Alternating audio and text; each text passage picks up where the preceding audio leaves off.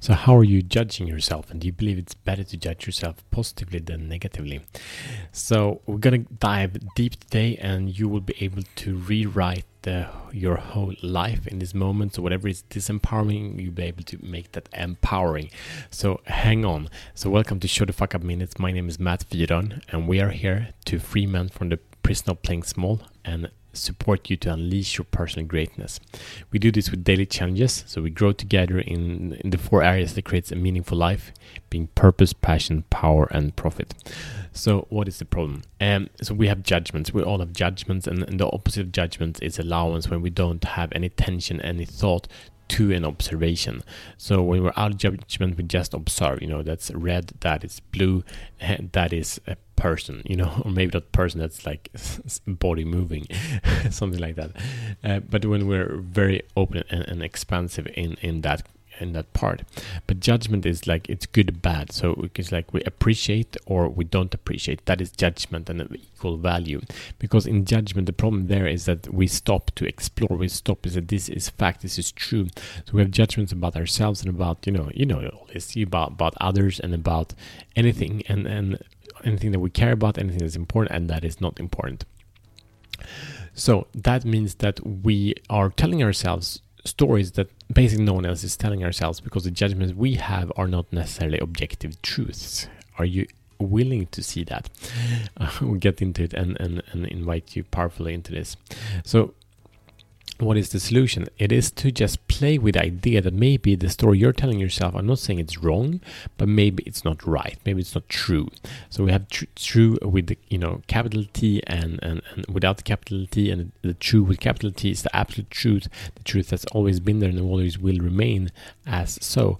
And, um, and then there are truths that was like, but this is true because that's what I think, because that's my story that I'm telling myself. I've been doing that for for 35 years, and you know, it's got to be true because if not, who am I then? And that's painful. But actually, on the other side, when we tell ourselves the opposite story, we can actually be super, super, super free.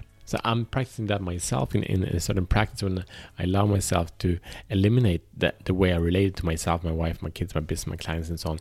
I do that every day, and it just open up for a new opportunity for us to expand and explore mo- uh, each other in allowance of who we are in the moment, and not who I think and I expect and experience and, and, and hope or, or am fearful that someone will be interact with. so anyway, here is your mission if you should choose to accept it. And number one, identify uh, three ways you're judging yourself positively or negatively.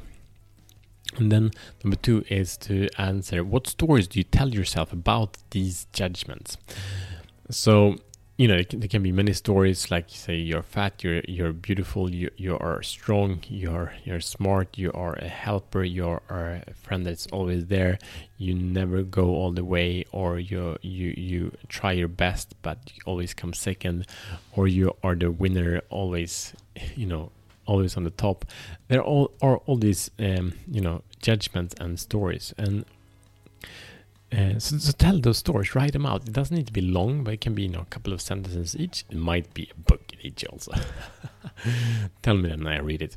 And then the the third part here comes in the, say the opposite. Write the opposite story. Write it about as long as you did the first story.